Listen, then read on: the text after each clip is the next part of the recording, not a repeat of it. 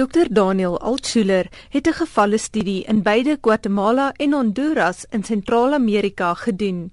Hy sê sy navorsing het gefokus op landelike gebiede waar die plaaslike gemeenskap se ouers die skool bestuur. Baie van die skole is gestig nadat burgeroorloë die infrastruktuur in die gebiede vernietig het. So these were efforts to address the school coverage gap with a new type of school where parents were given a large degree of control, including hiring and firing teachers, monitoring teacher attendance, and various other responsibilities. So thousands of these schools were created in the 1990s in Central America and in other countries as well to address the rural coverage problem.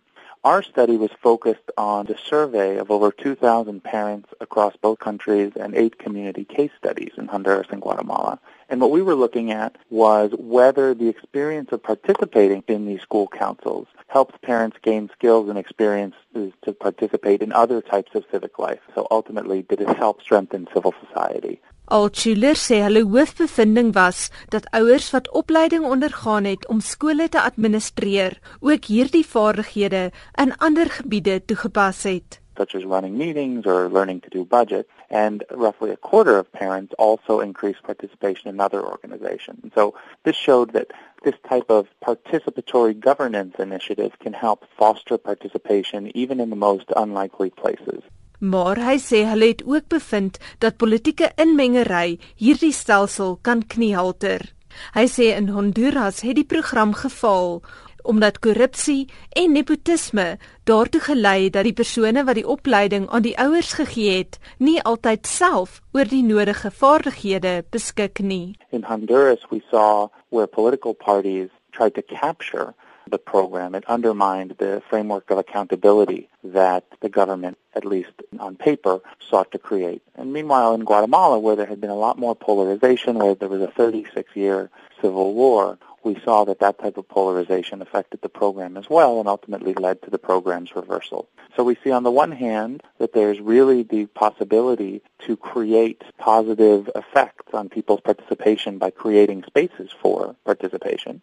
On the other hand, it's really important to keep in mind the context that programs are created in and how those contexts are going to affect development and governance initiatives. Tog bly positief oor die ouer deelname model. Hy voeg by dat ouers nie net opleiding in skoolbestuur moet ontvang nie, maar dat daar ook strukture moet wees wat hulle ondersteun. Volgens hom het ouers in Guatemala beter opleiding as die in Honduras ontvang en daarom het hulle nie net skooladministrasie nie, maar enige vorm van bestuur beter verstaan. you know, how different levels of government work, how one can most effectively make demands and articulate community needs to local government and to understand that broader context so that people are really equipped with skills that go beyond just one school council. In Guatemala het die ouers 'n paar keer 'n jaar opleiding ontvang om verskillende vaardighede aan te leer.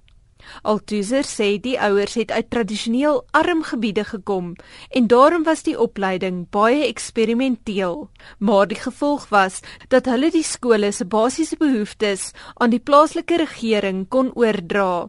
You know, the real question for us was can these school councils be a kind of incubator for civil society in areas that have been long neglected? And we found that despite the fact that the deck is stacked against these communities because they get so few resources, there really was a way to make an impact. I mean, again, I, South Africa currently doesn't have an initiative like this. The way that it worked in Central America was that the Ministry of Education created a program to help expand school coverage and this program oversaw the parent councils. And so it created this parallel program that provided the training and support and resources. Hy sê al is sy navorsing in Sentraal-Amerika gedoen, is daar universele lesse wat in enige land toegepas kan word. The lesson is that where governments are trying to invest in community or in parental participation, it's important to be very honest about the need in terms of training and technical support to make sure that people are equipped to participate effectively and particularly have all the information that they need. Dr. Altschuler stel volgende week sy bevindinge by 'n openbare lesing by die Raad vir Geesteswetenskaplike Navorsing bekend. Anne Marie Jansen van Vuren in Johannesburg.